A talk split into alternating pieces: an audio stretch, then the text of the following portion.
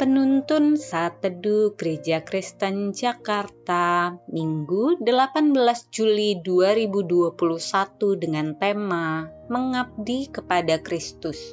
Firman Tuhan terambil dari Markus 8 ayat 34 berkata demikian. Lalu Yesus memanggil orang banyak dan murid-muridnya dan berkata kepada mereka, Siapa orang yang mau mengikut aku, ia harus menyangkal dirinya, memikul salibnya, dan mengikut aku.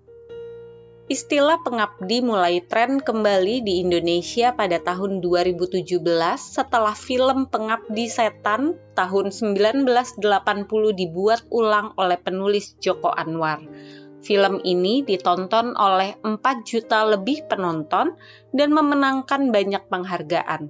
Film ini mengisahkan tentang seorang ibu yang terlibat dalam sekte pemuja setan dan mengabdikan dirinya.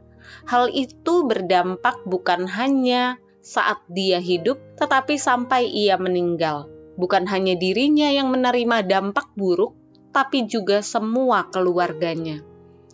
Dalam Kamus Besar Bahasa Indonesia atau KBBI, Pengabdi berarti seorang pelayan, hamba, atau budak tebusan yang seumur hidup melayani tuannya.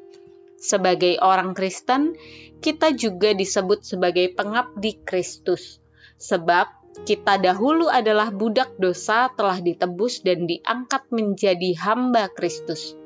Rasul Paulus dalam Roma 6 ayat 17 dan 22 berkata, Dahulu memang kamu hamba dosa, tetapi sekarang kamu dengan segenap hati telah menaati pengajaran yang telah diteruskan kepadamu.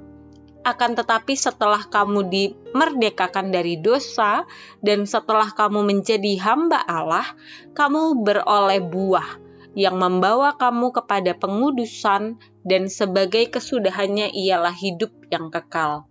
Status kita berubah setelah mengikut Kristus dari abdi dosa kepada abdi Allah. Orang yang menjadi abdi Allah, kata Yesus, hidupnya harus menyangkal diri, memikul salib, dan mengikut Dia. Penyangkalan diri berarti melepaskan semua hak dan berserah pada apa pun yang menjadi kehendak Sang Tuan. Memikul salib berarti siap hidup menderita dan melakukan perintah tuannya, sekalipun berat untuk dilakukan. Setelah siap melakukan kedua hal ini, maka kita telah siap untuk mengikut Yesus. Pengabdian memang menuntut komitmen dan pengorbanan. Itu bukan sekedar keinginan. Pertanyaannya, di dalam kehidupan sehari-hari, sejauh manakah kita telah mengabdikan diri kepada Kristus? Melalui perenungan hari ini kita bersama-sama belajar Kristen bukan nama agama, tapi orang-orang yang mengabdikan hidupnya bagi Kristus.